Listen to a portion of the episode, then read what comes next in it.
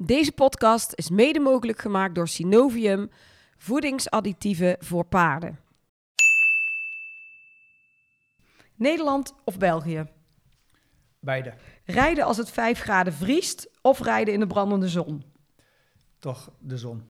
Een paard heel goed verkopen of alles ermee winnen? Eigenlijk ook beide. Eigenlijk eerst er alles mee winnen en dan goed verkopen. Dat is juist het antwoord. We gaan beginnen. We could be heroes. Leuk dat je luistert naar Horse Heroes. De podcast waarin Floor Schoenmakers van EHS Communications in een persoonlijk gesprek gaat met een hippische ondernemer. Elke week kun je luisteren naar interviews met één of meerdere gasten. Of meeluisteren naar de belevenissen tijdens hippische evenementen in de Horse Heroes Specials. We gaan beginnen. Hij begon op zijn derde al met paardrijden en bleek veel talent te hebben. Op zijn twaalfde werd hij voor het eerst Nederlands kampioen en nam hij onder andere deel aan zeven achtereenvolgende Olympische Spelen. Tijdens zijn carrière maakte hij de overstap naar België. Begon uiteindelijk zijn eigen spring- en handelstal en werd wereldkampioen in Aken. Hij is de eerste Nederlandse bondscoach springen met een Belgische nationaliteit. Hij is rustig, een man van zijn woord en enorm sportminded. Vandaag ben ik te gast bij de enige echte Jos Lansink. Goedemiddag. Goedemiddag, leuk dat jij eh, tijd wilde maken voor eh, deze podcast. Ja, graag gedaan. Ben je bekend met het fenomeen podcast? Ja, Ja, luister je wel eens naar überhaupt een, wat voor Ja. thema's? Sport. sport, ja. Meestal de, port, de sportcast van, eh, van de Telegraaf kijk, luister ik vaak naar. Ja, nou, en vanaf deze moet je ook Horse Heroes luisteren natuurlijk. Ga ik doen. Over paardenhelden. Ehm, nou ja, wij eh, beginnen de, de- het verhaal eigenlijk altijd helemaal eh, terug in de tijd. Dus dan gaan we helemaal terug naar waar jij bent Dat is, lang, opgegroeid. dat is lang geleden. Kun jij vertellen waar jij bent opgegroeid? ik ben opgegroeid op een boerderij in Twente, in het dorpje Weerselo. Ehm, ja, zoals ik al zei, op een boerderij. Ik heb eh, ja, altijd meegeholpen op de boerderij, als jongs af aan. Wij moesten altijd, ja, altijd meehelpen. Ja, Ik had altijd wel eh, een pony. Dat was onze hobby een beetje, van mijn broer en mijn zus ook. Uiteindelijk ben ik eh, alleen verder gegaan in de, in de ponies en na de tijd in de paarden. Maar mijn ouders zeiden altijd, eh, ja, ik had altijd wel het gevoel dat ik iets meer wou in de, in de, eigenlijk in de paarden. Maar ja, oké. Wij hadden een boerderij, ik was de oudste zoon. En dan is dat gebruikelijk dat je de, de oudste van hoeveel? van drie.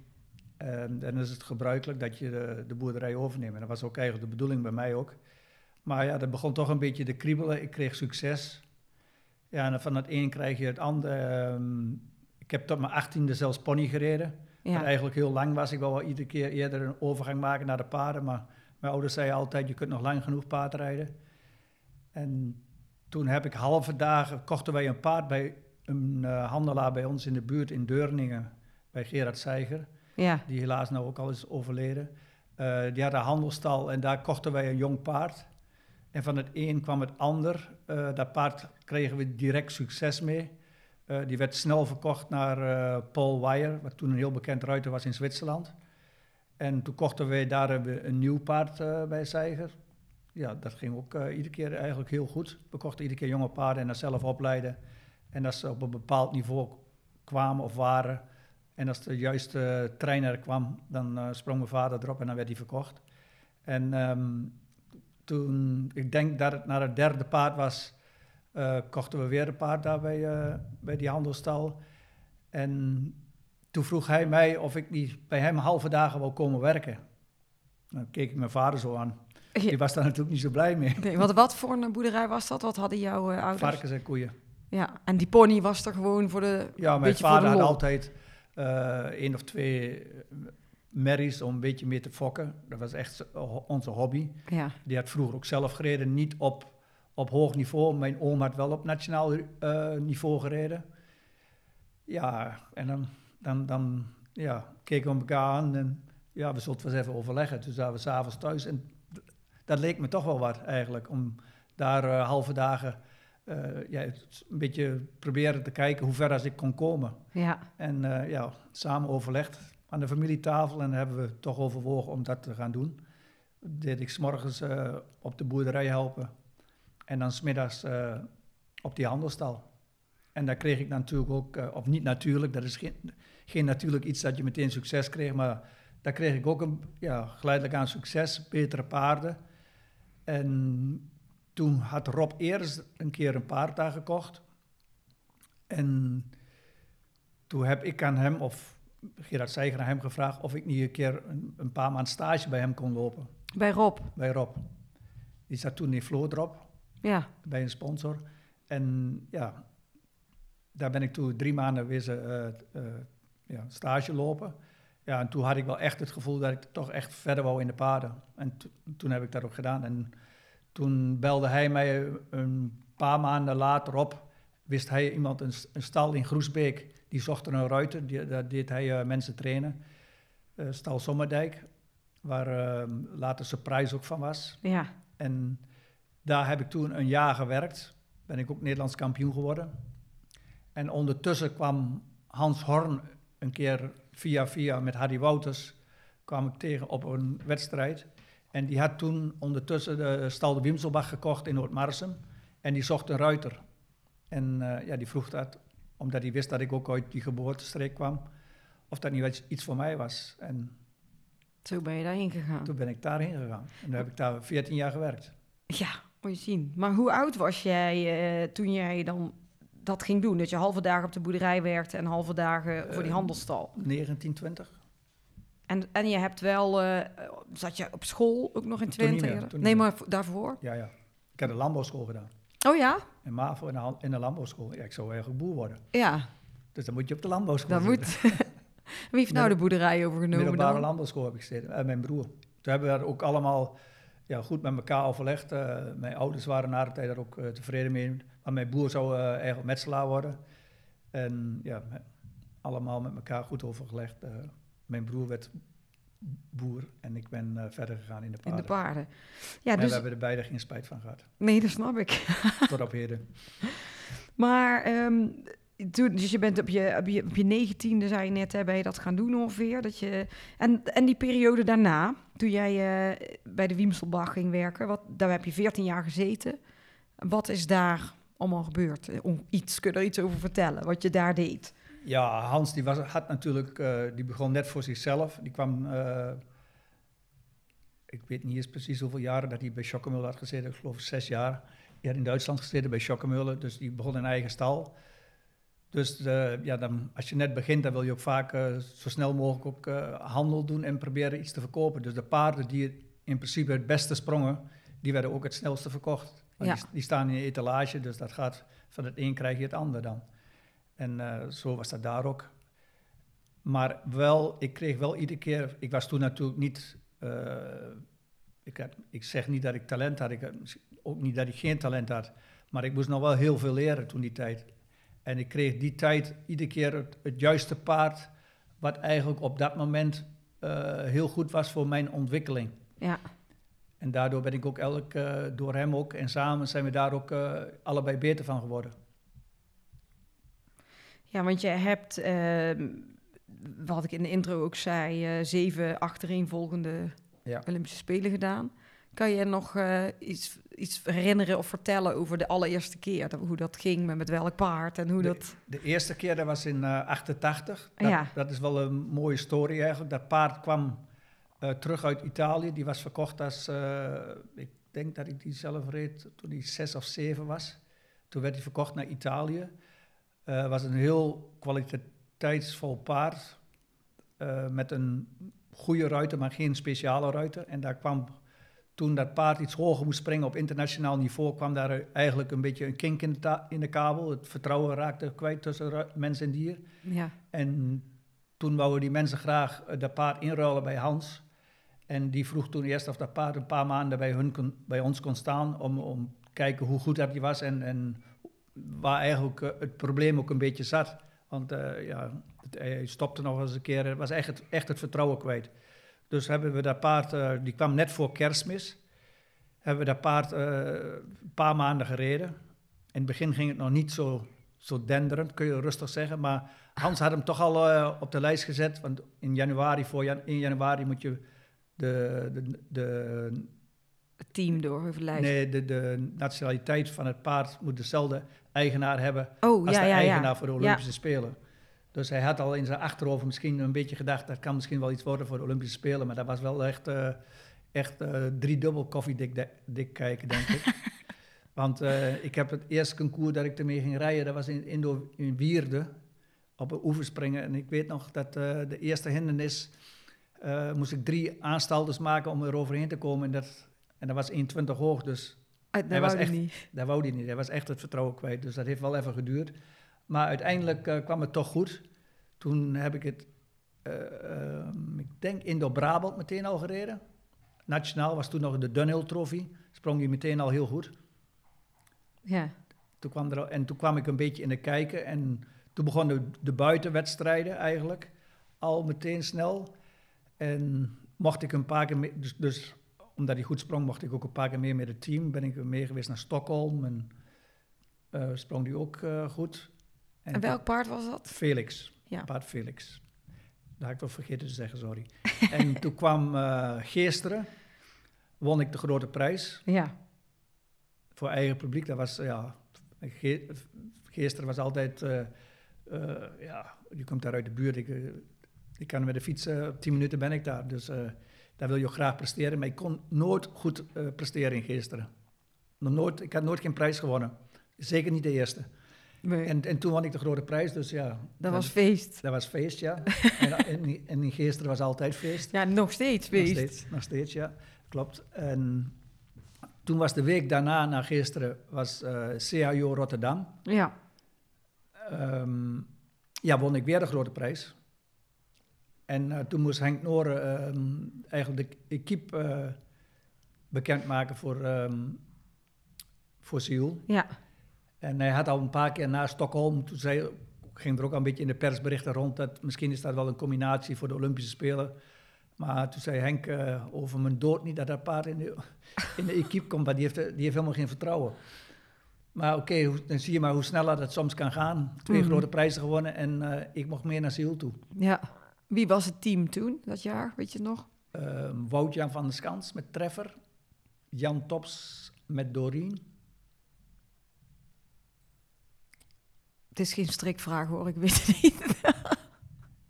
Ik denk Wiljan Larakers met Up To Date. Ja, ik, ik, ik, ik heb, ja. En dat was eh, voor jou, hoe heb je het toen voorbereid op die, op die eerste spelen? Was je zelf wel overtuigd van, eh dit, dit gaat goed komen?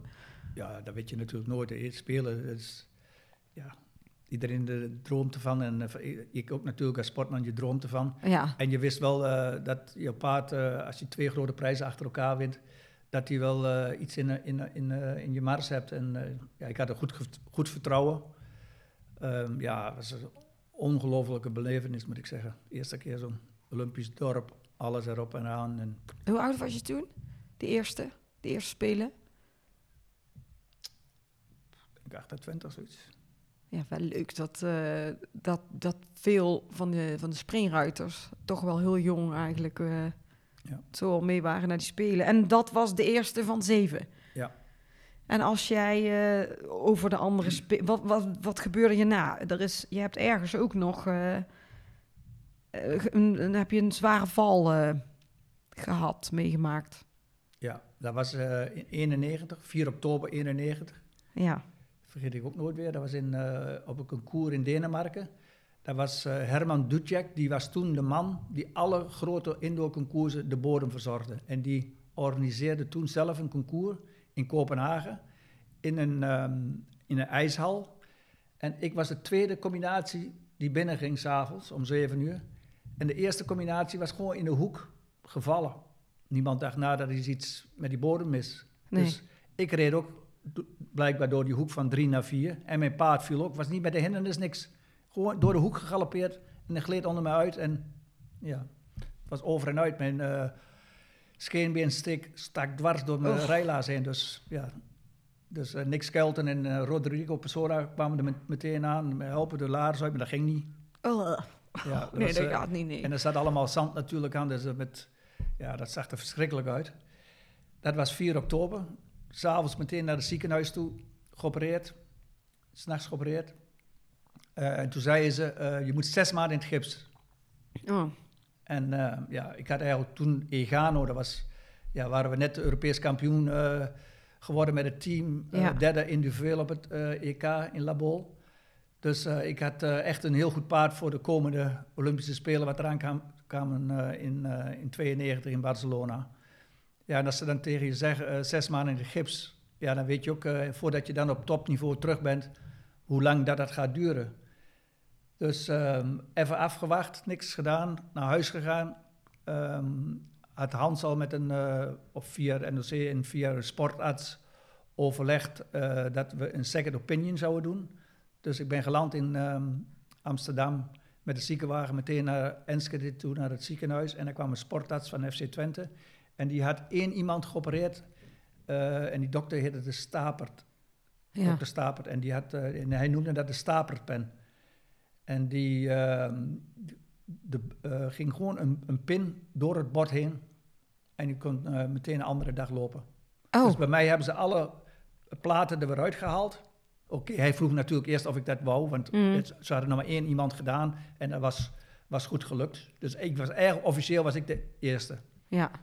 Maar hij zegt ook, als het lukt, kun je meteen, mag je morgen, moet je lopen. Op een loopband, onder begeleiding, alles. Dus de keuze was voor mij was niet zo groot om eh, het gips eraf eh, na twee weken, want ik moest twee weken wachten, omdat het allemaal alles te vers was na de operatie. Dus na twee weken opnieuw geopereerd, alle platen en, en eh, schroeven allemaal eruit. De pin onder de knie, door het bot heen tot aan de enkel. Twee schroefjes onderaan en andere dag eh, op de loopband lopen. Oh, vond je dat niet eng? Ja, heel eng. Het was een heel, heel komisch gevoel, maar alles onder begeleiding. En toen kon ik geleidelijk aan dat eh, een paar weken doen, toen zwemmen. En ehm, dus ze zeiden zes maanden in de gips. En ik was ehm, door een goede revalidatie en alles, was ik met tweede kerstdag was ik voor het eerst weer op, op wedstrijd. Jeetje. Dus hoe sneller dat is gegaan. Maar had je niet, eh, merk je niet verschil in je been? Of, Ja. Maar dat kwam er ook nog bij. En toen had hij mij geopereerd, de dokter, en zei... Ik heb één foutje gemaakt, zegt hij. Oh. Jouw been is heel ietsjes korter. Maar oké, met een steunzool, je ziet het bijna niet in. Maar hij zegt, ik kan het ook weer opnieuw opereren. Ik zei, nee, ik ben nu al twee keer geopereerd. eh, Laat maar laat even. maar. Is goed. En hij zei, de rest is allemaal goed, dus je moet eh, zelf eh, kiezen wat je wil. Het kan. Maar je hebt daar met rijden of zo, eh, Nee. merk je niks, niks van meer? Toen in Wauw. het begin natuurlijk wel, hè. Ja, ja, maar niet dat er iets... Maar ik heb een jaar met die pin in de been gereden. Olympiade heb ik met die pin gereden. Ja. Ja, want vlak voordat dit gebeurde, je zei, we gingen er even heel snel overheen. Er was natuurlijk eh, de Egano, eh, die opvolger van Felix. Ehm, waar je toen ook Europees kampioen mee werd geworden. Dus dit gebeurde eigenlijk vlak daarna. Ja. Kun je iets vertellen over eh, dat Europees kampioenschap? Want dat zal wel eh, heel gaaf zijn geweest ook. Ja, dat was het- eigenlijk mijn tweede Europese kampioenschap. En ik had eh 89 in Rotterdam, was ik tweede geweest met eh, Felix. Ja, Ehm, ja, en we hadden een heel sterk team. Ehm, foto hangt daar nog. eh, Jan Tops met Topken, Piet met Ratina, Emiel met Aldato. En, eh, en ik dan met, ehm met Egano. We, Ja. won- we wonnen het eh, landenteam. Dus we stonden, de- als je dat wint, dan weet je ook dat die combinaties ook individueel goed staan. En, en daar stonden we ook allemaal. Eh, Piet stond toen zelfs nog eerst aan de leiding. En eh, ehm, die kreeg toen de zondags één of twee fouten, dus die zakte een beetje terug. En eh, ik was vijfde en ik werd, er- uiteindelijk werd ik eh, derde met Egano toen. ja. En toen won ik het jaar erop, won ik de grote prijs van Aken. En toen wonnen we de Olympische Spelen met het team. Ja, en dat was wel weer een ander team dan ehm, Ja. bij de Europese kampioenschap. Nee, dat was ook eh, een ander team. Alleen Emiel zat er niet bij. Piet Nee. en Jan met dezelfde paarden. En eh, Bert Rom met Waldo. En, eh, en, maar ja, toen was jij wel alweer helemaal, want dat was best wel snel gebeurd na dat ongeluk natuurlijk. Ja. En je hebt gewoon volle gas kunnen trainen, rijden, alles doen, geen last Ja, in het begin natuurlijk niet. Ik heb eerst eh, aan- de burgelriemen eh, heb ik een eh, fietsband gedaan dat, er, dat het niet zo, zo, zo stijf was, dat je een beetje meer vering had. Want ja, dat, omdat er zo'n pin in zat in zo'n been, dat, ja, dat voelde komisch aan. Hè? Ja, Dus iedere keer die, die ja, dat er iets meer vering in- eigenlijk in die beugelriem zat. Eerst natuurlijk zonder beugels gereden. En toen iedere keer, ja, toen met de fietsband en toen na de tijd met, proberen met normale beugels. En no eh, maar evenwicht en zo, allemaal niks. eh. Ja, daar kun je allemaal op oefenen natuurlijk. Ja. Daar moet je natuurlijk wel op trainen en fysiotherapie en alles. Dat, dat- Ja, ik, eh, ik, ik, ik, zit het te, ik, ik heb het ook zo eh, gehad. Maar niet die operatie, maar ook inderdaad met open, beenbreuk. open beenbreuken en met pinnen en weet ik het wel. Maar bij mij, ik heb er toch wel lange last van gehad, moet Ja, ja, en je moet natuurlijk ook een beetje geluk hebben dat je ja, er geen ontsteking en zo bij krijgt. Nee. Daar kreeg ik toch nog in het begin een beetje bij. Dus dat is natuurlijk wel een beetje gevaarlijk. En zeker als er dan zoveel platen en alles in Ja, zitten. en bij, je bent bij de paarden en zo. En, Ja. Nou ja, maar het is goed gekomen. Het is dat goed is, eh, dat is het belangrijkste. Ja, en ehm, jullie eh, waren toen op de Olympische Spelen. Eh, er werd er natuurlijk de gouden medaille behaal- behaald. Maar er ging, wat was er aan de hand met het individuele klassement? Daar gebeurde ook wat. Ja, het ergste vond ik daar nog voor. Eh, we, wonnen, we waren met vier ruiters, dus eh Bert Romp was vierde ruiter, maar die had ehm, meer, als je, ik denk 20 strafpunten meer hebt dan het andere beste resultaat van je teamcollega, Ja. was toen een regel van de NOC of IOC, kreeg, kreeg je geen medaille. Dus Bert kreeg geen medaille. Oh, Ja, dat was eh, ja, absurd. Je gaat met een team daar naartoe. Als, als, in een voetbalelftal dat je met eh 20 man zei, alle reserves krijgen zelfs een medaille. ja. En hij kreeg geen medaille. Dat moet ik wel zeggen, dat vond ik een, eh, een heel hard gelach. Hij, hij was in alles betrokken.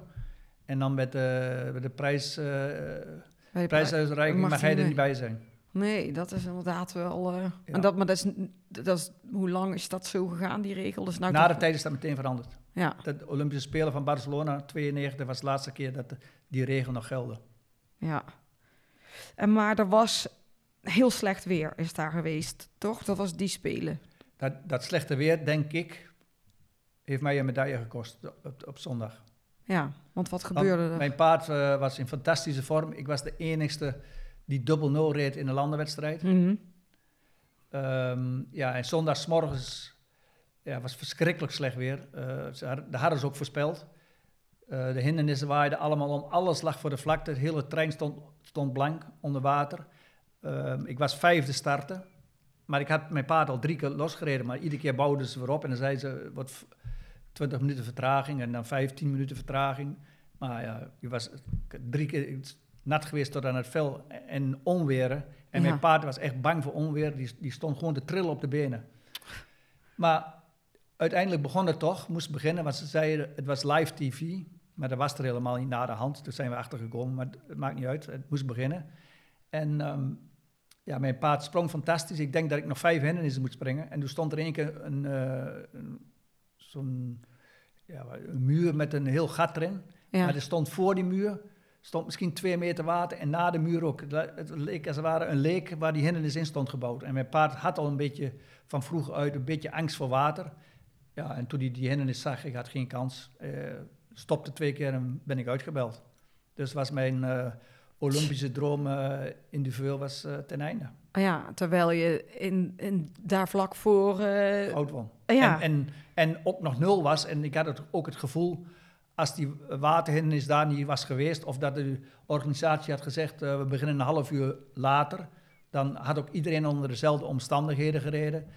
Dan denk ik dat ik ook eh, die dag met een medaille naar huis was gegaan. Maar dat is na de hand en dat is voorbij. Ja, maar dat is al. Ja, maar dit was ook toch vlak daarvoor dat jij eh Aken won en de Grand Prix Ja. van Hickstedt. Dus Ja. dat paard was wel Echt jullie. Ja, ja, dat is dan. eh, maar je had ook ehm, naast Egano had je ook eh, Libro H. Ja. Natuurlijk. Wat was dat voor een paard?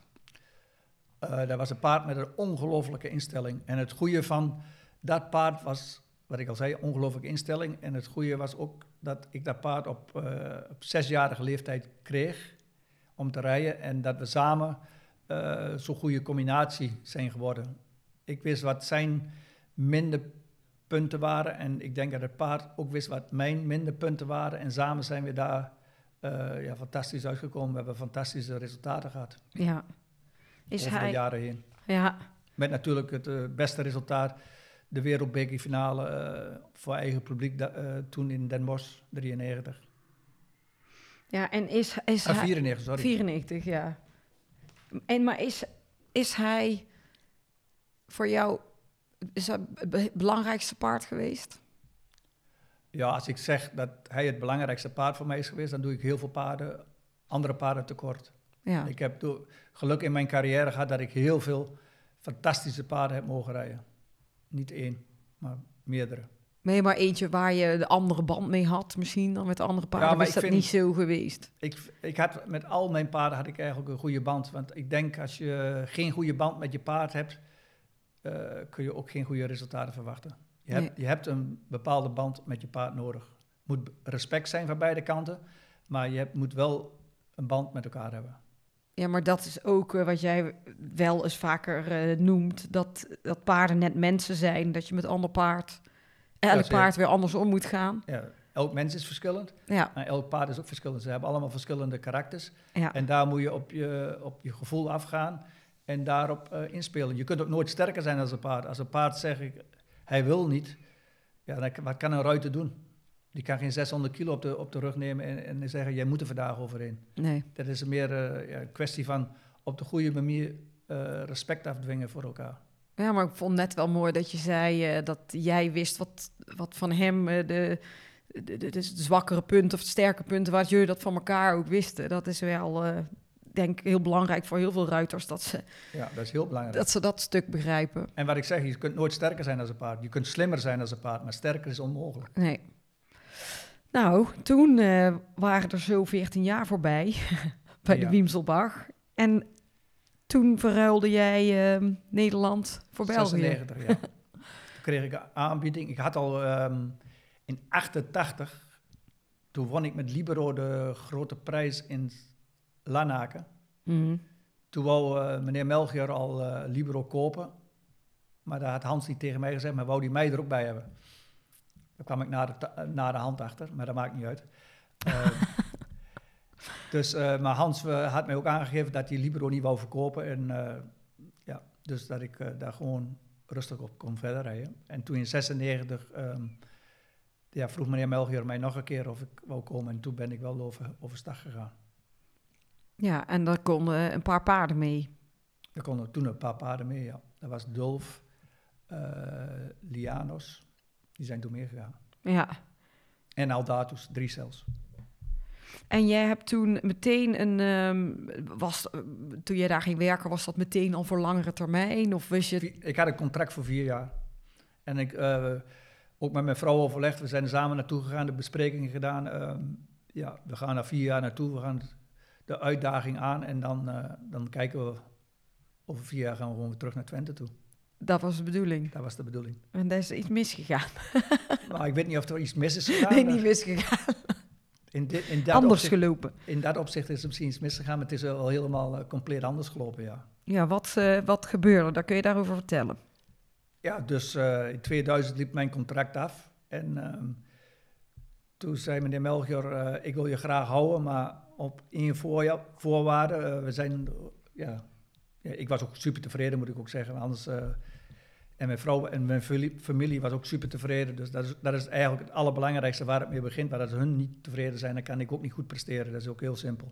Mhm. Dus en op Zangerzijde hadden ze nog wel een beetje problemen met, met bouwvergunningen en alles. En alle paarden, of de hele stoeterij, werd eigenlijk in Nederland ondergebracht. Werd altijd onder, onder Nederlandse vlag gereden.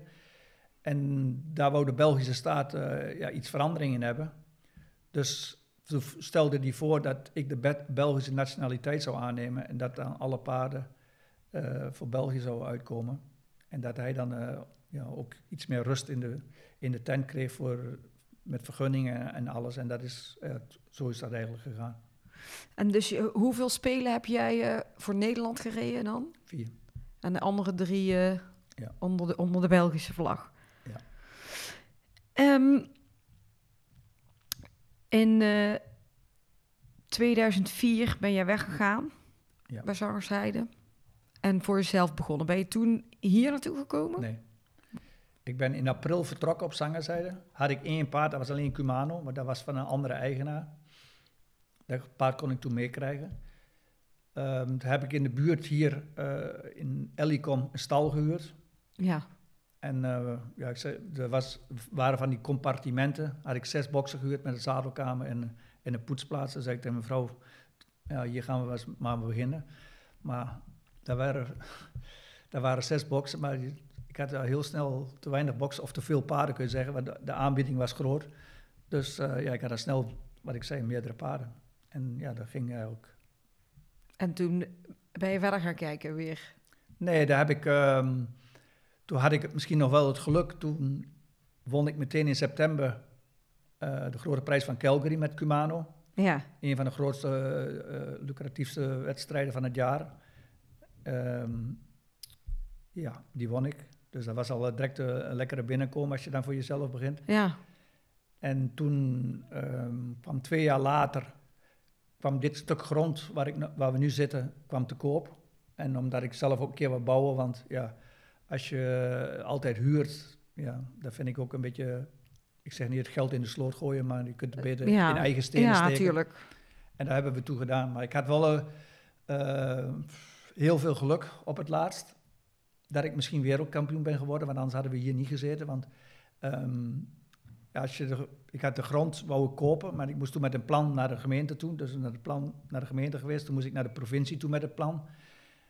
Kom ik daar bij die provincie en daar zat een man, die was anti-paarden. Oh, Hij zegt, eh, als je toch iets gaat bouwen, dan ga je toch, eh, hoeft dan niet allemaal met die stenen hier. Dat kun je toch ook met damband doen? Ja, ik zeg maar, en dan over vijf jaar weer opnieuw bouwen of wat? Ja.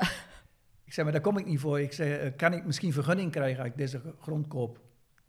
Want hij had mij al gezegd, hij moest met een plan komen, dus ik had het plan bij, mijn plan laten zien. Dus hij had, had gezien dat alles stenen waren. Dus hij, hij vond dat maar niks. Maar hij, ik zeg, maar daar kom ik niet voor. Ik moet weten of ik die grond kan kopen. Hij zegt, eh eerste keer krijg je sowieso, sowieso geen vergunning. En de tweede keer denk ik wel. Dus de tweede keer geen vergunning. Met de burgemeester gepraat, eh, de architect en een paar van die mensen moesten we voor zo'n panel komen, weer bij de provincie. Eh, een paar uur gezeten, er zaten een paar van die mensen bij die dachten dat dat zou zo'n feesttent worden hier, omdat de appartementen boven zaten en Oh een grote hal. Dus, en die dachten elk appartement moest een huisnummer hebben. Ik zei, hoeft niet één huisnummer en eh, geen feesttent. Nee. Dus we gingen weg, hand geschud. Met twee weken zou ik vergunning krijgen. Twee weken later, mijn vrouw belde mij op, de post is gekomen, negatief advies. oh. En ik had de grond net gekocht. Oh nee. Dus ik de burgemeester heb gebeld. Ik zei, jullie spelen toch wel echt met een ander zijn geld, hè? Hoe dan, zegt hij. Ja, ik zei negatief advies. Ja, heb je een probleem, zegt hij. In België heb je drie keer de kans en dan is het voorbij. Ja. Dus ik had echt... eh, ja, ik had een mooi stukje grond, maar lekker duur aan mijn flikken. dus eh, ja, gewoon verder gegaan. Daar, ik had mijn paarden, dus ik had mijn werk. Ondertussen werd ik wereldkampioen. Ja. Toen mocht ik een keer, eh, werd ik uitgenodigd door een minister in, eh, in Brussel voor een etentje. En dat thema is even aangehaald. En eh, hij zei, stuur maar het plan op en alles op. En een paar dagen later belde hij op en hij zegt, wil je nog iets veranderd hebben? Ik zei, nee, ik heb, zo, heb ik mijn plan aangevraagd, dat ik zo vergunning kan krijgen, dan ben ik super tevreden. En met tien dagen had ik vergunning. Dus dankzij, dankzij, Dankzij die... wereldkampioenschap. dat Dat heeft me toch iets opgeleverd. Ja, en, en hoe lang zit je nu hier dan? Sinds 2008. En als je dit omschrijft, dit bedrijf, wat je hier doet, tot het bondscoachverhaal, daar gaan we dadelijk op. Maar wat, wat, wat doe je met je bedrijf? ja, jonge paarden, eh, of niet paarden van. eh, ik heb ook jongere paarden, eh, veulens en jaarlingen, maar die heb ik meestal niet hier staan. Alleen de zomerdag lopen die hier in de wei, of bij mij thuis in Lanaken. Maar hier heb ik alleen oudere paarden, vaak van vijf of zes jaar en ouder.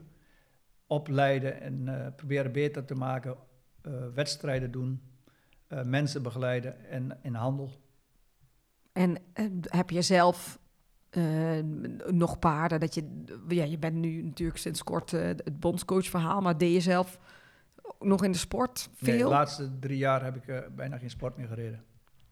en, en had je niet het juiste paard? Of, Ja, in in eh, 2016 heb ik prostaatkanker gehad. mm, En ehm, toen na de tijd heb ik nog een paar keer weer een beetje terug geweest op niveau. Of niveau, op een paar vijf sterren wedstrijden gereden. Maar ik had op dat moment ook niet echt de paarden.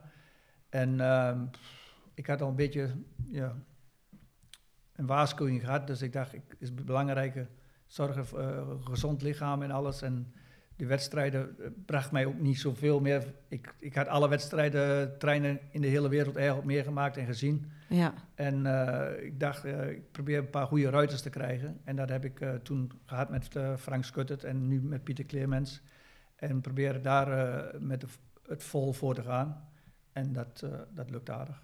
Maar, je- maar je bedoelde, je bedoelt, je hebt een waarschuwing gehad dat het leven met die wedstrijden in de sport zo intensief is geweest. Ja. Meer eh, ja, hier 100%. thuis. Ja. En eh, ja, daar hoef je geen antwoord op Ja, te als ik. eh, ja, als ik. De, ik, had, ik kreeg in april. Ik deed altijd gewoon twee keer per jaar, omdat ik sportman ben, deed ik altijd twee keer per jaar gewoon bloedcontrole, Hmm. bloedonderzoek. En toen de laatste paar jaren, zo, eh, 14, 15, 16, begon die PSA-waarde begon een beetje op te lopen.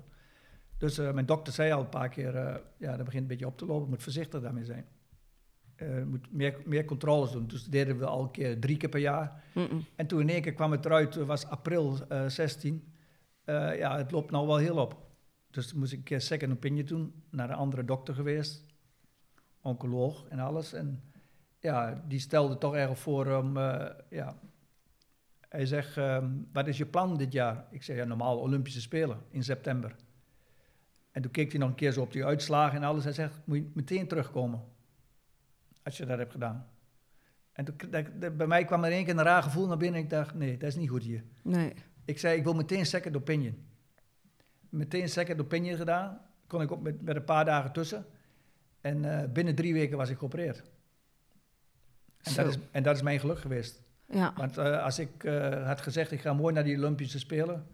dan denk ik dat ik hier vandaag niet aan tafel had gezeten. En, en die PSA is weer helemaal gewoon Ja, ja, ik, ben netjes. geoper- ik ben geopereerd en eh, het is nou eh, onmeetbaar. Ja. Tot het moment. ja, mooi. Ja, dat is goed. Maar je hebt, houdt wel gewoon eh, twee keer per jaar dat ze blijven controleren. Ja, eerst was het, nou, kan het, nou doe ik het drie keer per jaar. Het was altijd vier, elk kwart van het jaar. Ja, Maar nou, na vijf jaar, kan het iets minder geleidelijk aan. Maar ik voel me nou goed en... maar je, je voelt het zelf. Je, Je, nee, nee, dat is een, slo, dat is sluipmoordenaar. Hè. Je Ja. voelt zelf niks, helemaal niks. Dat, Nee. is, dat is het ergste van het hele verhaal. Je denkt dat je gezond bent. gezond bent en, en zie je die bloeduitslag en dan, eh, dan krijg je de waarschuwing. Nou, nou, maar dat is ook wel. eh, dat is Maar misschien als ik... die-. Ja, dat is zeker schrikken, maar, het maar misschien als ik die eerste dokter had geloofd... En, of alleen maar had gedacht, ik wil die achtste Olympiade rijden... Ja, Ja, dat had mij... eh, maar je hebt een goed voorgevoel gehad ja, daarin. misschien, blijkbaar. Nou, goed, gelukkig. Ja. Ehm, als jij ehm, terugdenkt aan jouw sportcarrière, wat is de grootste gok die je ooit hebt genomen? Misschien wel dat ik geen boer ben geworden. dat ik toen de beslissing heb genomen dat ik in de sport ben gegaan. Ja, Maar ik weet natuurlijk nooit hoe, hoe dat loopt. Hè. nee. Maar ik, je- ik, was toen wel een paar, ik was toen wel een keer eh, Nederlands kampioen geworden bij de ponies. Ja, ja maar dat, dat is... dat is, dat is 50 jaar geleden, bijna. 45 jaar geleden. had jij toen een idool? Ja, Wie was jouw idool? eh, Henk Noor en Johan Heijns. Ja, Ja, als ik naar Geesteren ging, naar, naar een concours, dan stond ik altijd aan de paddock te kijken en dan volgde ik die, die twee altijd. En ook wel een beetje uh, chockermullen, moet ik ook wel zeggen. ja. En jouw, jouw, eh, jouw ouders of jouw vader, ehm, zijn die nog in leven? Nee, beide, beide niet meer. Hebben die wel veel meegekregen van jouw sportcarrière? Hoe het helemaal gelopen Ja, is? jammer genoeg, niet genoeg. Ze hebben, ze, ehm, mijn moeder heeft dit, dit eh, eh, jammer genoeg niet meer meegemaakt, dit- wat ik, waar ik nou zit. Nee. Wel dat ik eh, naar zangerzijde ging, dat wel. Want die had ook, eh, mijn moeder had ook kanker, is overleden aan kanker. Hm. Eh, mijn vader is wel eh, hier geweest. Maar ze hebben wel eh, de, de Olympische Spelen, dat Ja, allemaal ja en, de wereldbeker, en- en de wereldbekerfinale waren ze live bij in Den Bosch. Oh Dat ja, wel, dat mooi. wel. dat was wel mooi, ja. Ja, maar dan, is het, dan hebben ze wel heel bewust geweten dat jij ja, de ja, hele wel, juiste keuze hebt gemaakt. Ja, ja. Maar dat was ook no hard feelings. mijn, mijn broer is super tevreden, mijn ouders waren super tevreden dat het allemaal zo uit, uit is gekomen. En, ja, en ik ook. Dus En als jij, eh, als jij iets over zou mogen doen, zou, wat zou dat zijn en, en hoe zou je het anders doen? Ja, ik denk dat ik helemaal niks... eh, ik zou het precies hetzelfde doen. Ja, Ik zou eh, dezelfde loopbaan doen. Ik, ook als, als ruiter, omdat ik wist dat ik ja, eerst de boerderij zou doen, maar ook als ruiter. eerst overal de ogen een beetje de kost geven. Hard werken. Ik heb altijd zeven dagen in de week gewerkt. Eh, bij, of ik bij een baas werkte of nu bij mezelf, eh, zie ik geen verschil. Want ik heb ook altijd bij mijn bazen gewerkt. Ik had twee hele goede bazen, of drie goede bazen eigenlijk. Ehm, gewerkt of het mijn eigen spul was ja, de vol voor gegaan. En eh, dan kun je denk ik ook iets bereiken. Maar als je denkt in onze sport, het komt je aanwaaien, dan kun je beter een andere sport gaan doen. Maar je moet er echt voor gaan. En zeven dagen in de week, want het is levend materiaal. Je kunt niet zeggen op vrijdagavond, ik draai de sleutel om. En Nee. eh, jongens, ik zie jullie maandagmorgen om zeven uur. Dat gaat nee, niet. nee, dat gaat ook niet. En, en die paarden weten ook niet eh, als het kerstmis is of, of weet ik veel wat. Dus, En die weten ook niet of maandag of dinsdag is. nee, klopt. Ehm, we gaan even naar een onderdeel in de podcast ehm, van de muziek. En dan wil ik altijd graag weten of iemand een speciaal nummer heeft of een herinnering aan een liedje. En jij zei, en mijn vrouw, eh, die zei, doe maar iets van Bruce Springsteen. Ja, dat vinden we ja, topzanger. Heb je een ook speciaal nummer? Heb je hem ooit ontmoet? Ja. Zijn dochter heeft hier eh, een keer een paard gekocht. Ja. Oh, dus hij is ook hier eh, op stal geweest. Ben je daarom fan van Bruce of was het sowieso? Dus je hebt geen één nummer van hem die speciaal Ze is. zijn allemaal goed. Dus ik ga er één kiezen. Dan gaan we nou een stukje naar luisteren. Jij mag hem kiezen.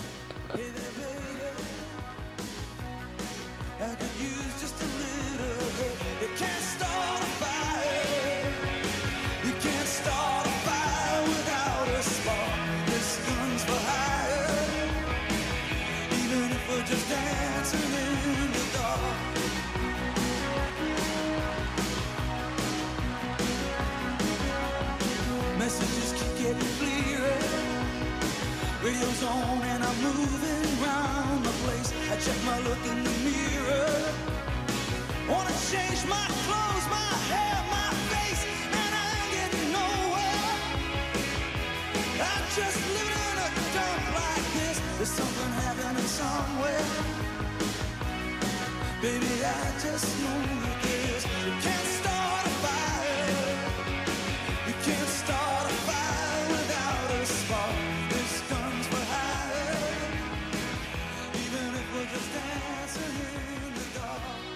Nou ja, leuk. Je vertelde net ehm, dat eh, eh, de dochter van Bruce Jessica heeft hier ook ooit een paard ge- gekocht. Ja, er zijn veel paarden van jou lopen er overal eh, op hoog niveau mee. Is er één Gelukkig wel. Ja, maar is dat ook, want dat was ook een van mijn, van mijn vragen in de intro's, hè, van het paard verkopen of er alles mee winnen. Als je hier op stal kijkt met mensen die jij begeleidt, dat zijn ook, ook jouw paarden. Zijn mijn paarden, ja. Hoe, eh, ja, hoe zie je dat dan? Als er eentje het heel goed doet en die, die kan overal weer mee eh, naar de Spelen en zo dadelijk. Wanneer maak je de keuze of je hem verkoopt of toch aanhoudt voor de sport? Ehm, dat zijn meerdere dingen waar je vaak aan, eh, aan moet denken. Ehm, hoe oud is het paard? Hoe goed is de combinatie al? Ja, Ehm, de juiste klanten proberen bij te vinden. Dat is natuurlijk ook heel belangrijk. Dat de, de, je kunt geen succes verkopen, maar je kunt er wel heel dichtbij komen. Als je van tevoren al vaak eh, het gevoel hebt... eh, dat paard is, heeft te veel kwaliteit of, of, of eh, het karakter is een beetje zo, zo voor die ruiter, dan moet je het misschien niet aangaan. Dan kun je beter zeggen, dit paard is voor jullie niet, niet de, het passende, de passende match. ja. We gaan voor een andere zoeken. Maar nu ben jij sinds kort bondscoach. Ja, dat zeggen ze. Dat zeggen ze. Ja, want ik ben daar ook daarin benieuwd. Want natuurlijk een bekend nou ja, probleem is dat er eh, vaak ook paarden snel weer worden verkocht als de combinatie net goed is. Hoe eh, ga jij, hoe ben jij van plan daarmee om te gaan? Ja, ik kan natuurlijk niet in mijn, mijn job als bondscoach kan ik natuurlijk niet de, de, de beste paarden van Nederland proberen te verkopen. Ik moet juist proberen die paarden eh, voor de jongens of voor het team te blijven behouden. Dat we eh, op kampioenschappen medailles kunnen gaan winnen. En Ja. dat gaat alleen met de beste paarden. Ja. Ze, ze zijn niet snel eh, te goed. Denk je dat dat een, een, een probleem gaat zijn om echt goede paarden... Dat is altijd een probleem. Ja, En je, in principe moet je er drie of vier bij elkaar hebben nog. Ook dat nog, als je landenwedstrijden wil rijden. Ja en Dus- jij bent... ehm, ja, nou ja, dit, dit, dit is, daar is natuurlijk allemaal veel gezegd en geschreven over het hele bondscoachverhaal. En eh, kun jij vertellen hoe dat, hoe dat is gegaan? Wanneer jij eh, benaderd bent voor, eh, voor, de, voor deze baan, zeg maar. Ja, toen ehm, dat met Rob was afgelopen, Ja, toen kwamen ze, ik denk dat ze een paar meer mensen op het, op, op het lijstje hadden staan. En daar hebben ze gewoon ja, een paar denk, gesprekken mee gevoerd. En ik was in eerste instantie eh, niet zo heel enthousiast, moet ik zeggen. En in tweede instantie eigenlijk ook nog niet. Want ik, ik zei ook, ik heb eigenlijk eh, werk genoeg. En ja, waarom moet ik dat er nog extra bij doen? Of ik moet mijn stal misschien anders indelen. Er waren allemaal dingen waar ik dan ook over nagedacht heb, samen met mijn vrouw.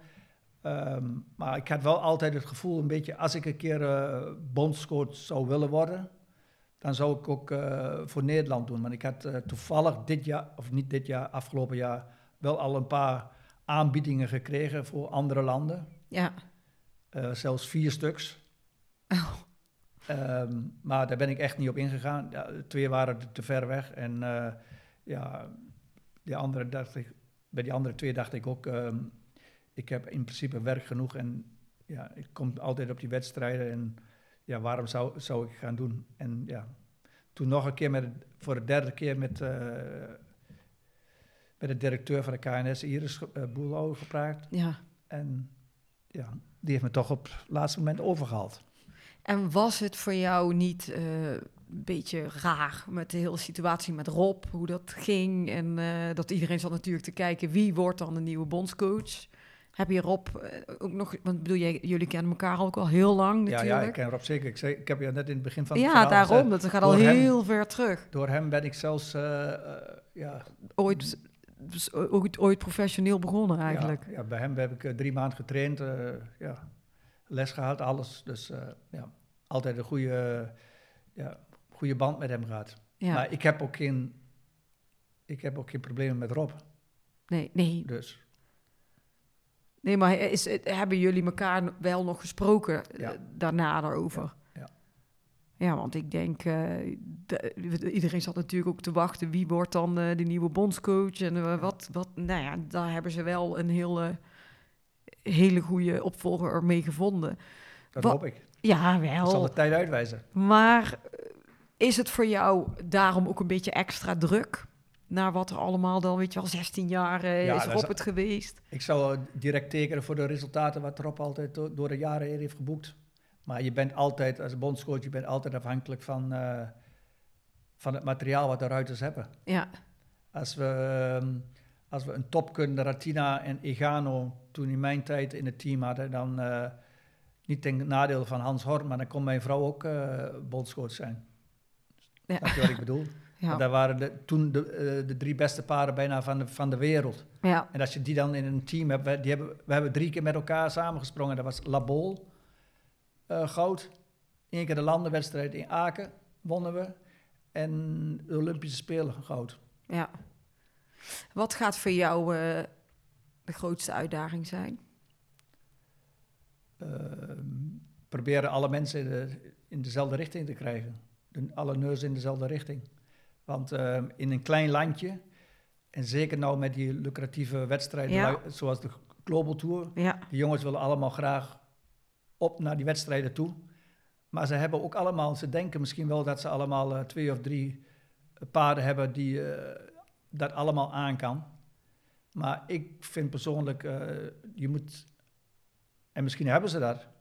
Ik hoop dat ze dat hebben, maar ik denk dat de planning eh, en het management een van de allerbelangrijkste dingen is voor, eh, voor een land als Nederland. Dat je, als je weet van tevoren, je hebt niet eh, dat materiaal wat je graag wilt hebben om, om echt vooraan mee te doen op, op een groot kampioenschap.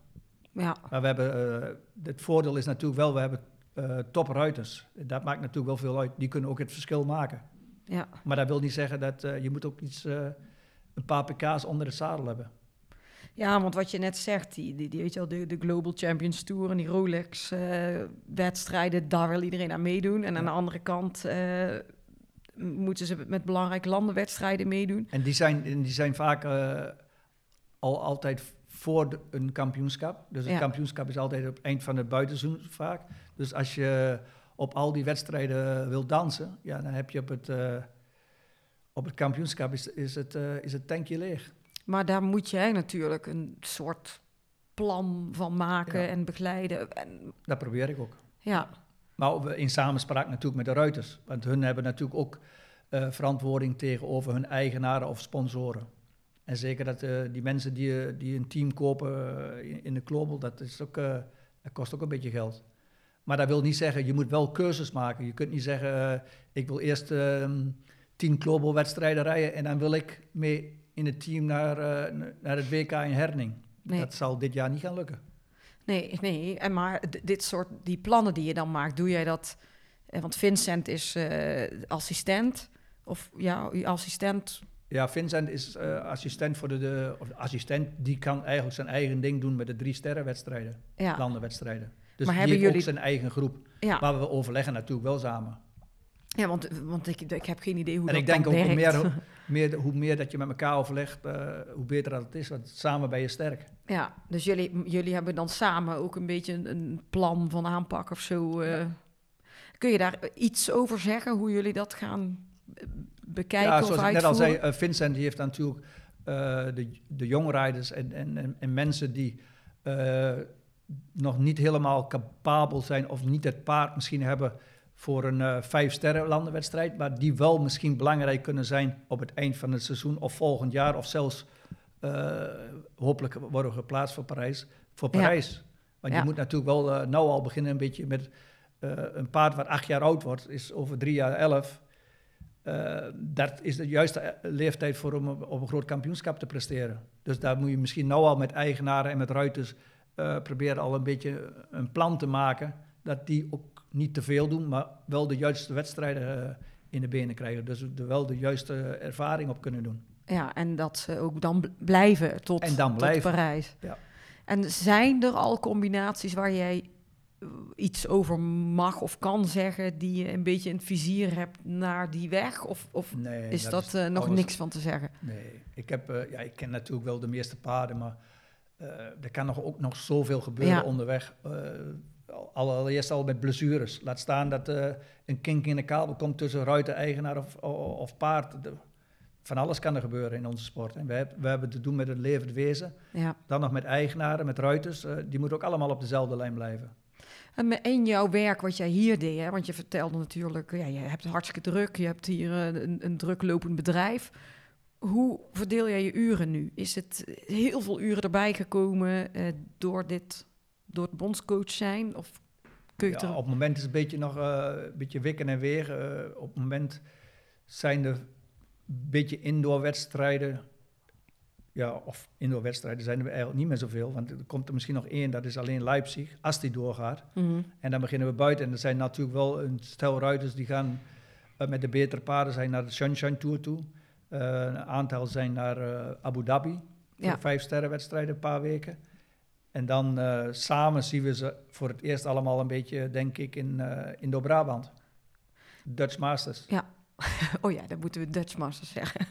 Maar heb jij dan, eh, moet jij nu ook weer toch weer veel onderweg, omdat je die paarden moet volgen naar die concoursen Maar ik was in principe al altijd op die concours was ik vaak aanwezig, omdat mijn ruiters toen ook daar waren. Ja, Maar nu ben ik natuurlijk ook verantwoordelijk voor het Nederlands team. ja, wel leuk. Ja, en, ik ehm, heb er zin in. Maar je hebt wel de Belgische nationaliteit. Of heb je ze allebei? Heb jij Mhm. Belgisch en Nederlands? En voel je je dan nu, als je, nou, je woont in België, je zit natuurlijk al zoveel jaar hier met je bedrijf, maar je gaat wel weer helemaal Ja, maar ik heb me altijd eh, nog Nederlander gevoeld. meer Nederlander. Oh, Altijd gewoon een Nederland. Nederlander. ja. We hebben, eh, als we de televisie aanzetten, staat hij altijd op de Nederlandse zender. kijken we het journaal. We, hebben, we lezen de, de, de Telegraaf elke dag. Dus echt Nederlander. En het was alleen handig om hier in te wonen. Dus, eh, Ehm, we gaan... Mijn eh, vrouw gaat nog naar Maastricht toe, naar de winkel, eh, ik noem maar op. Ja, want je zit hier vlakbij in Maastricht natuurlijk. Ja, ja. We gaan naar het laatste onderdeel ehm, van de podcast, is de vragenpot. Die hier staat. En eh, dan moet je een paar vragen eruit halen. Ik dacht al, wat, wat staat een mooie pot daar op tafel. Nou komt de verrassing. Dan komt de verrassing. En ik heb geen idee wat de vragen zijn, maar grabbel maar. Oh, je moet...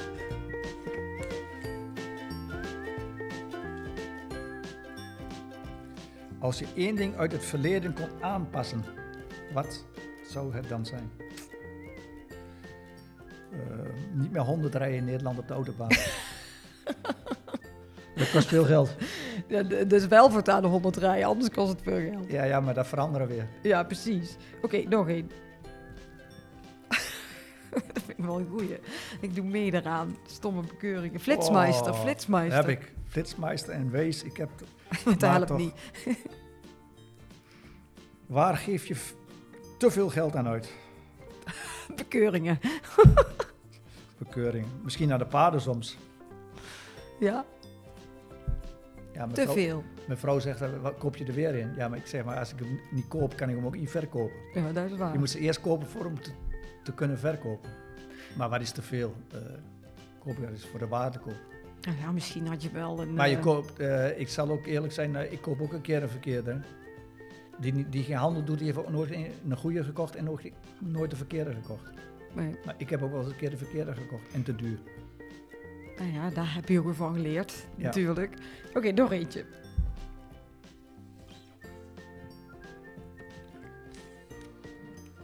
Er staat niks op. Blanco.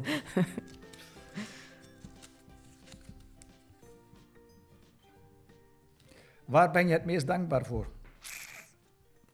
Dat ik gezond ben. Ja, dat snap ik. En dan vind ik een mooie afsluiter.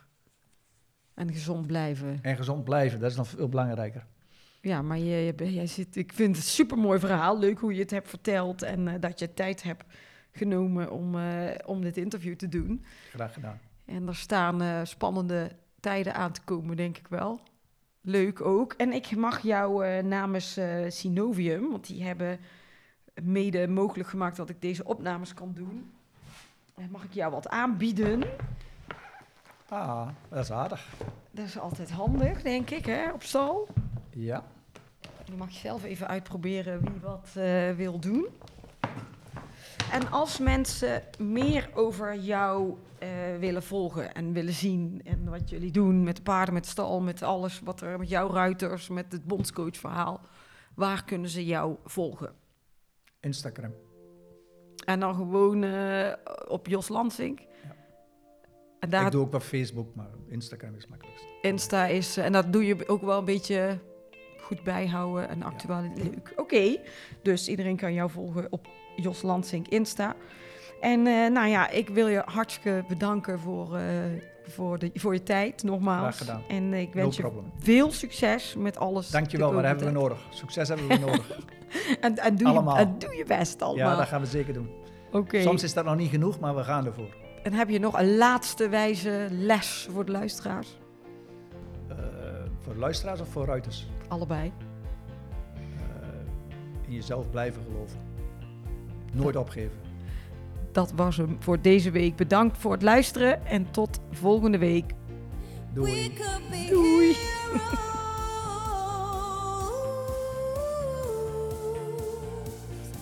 Dit was hem weer, de Horse Heroes podcast. Wil je meer weten over Floor, haar bedrijf of deze podcast?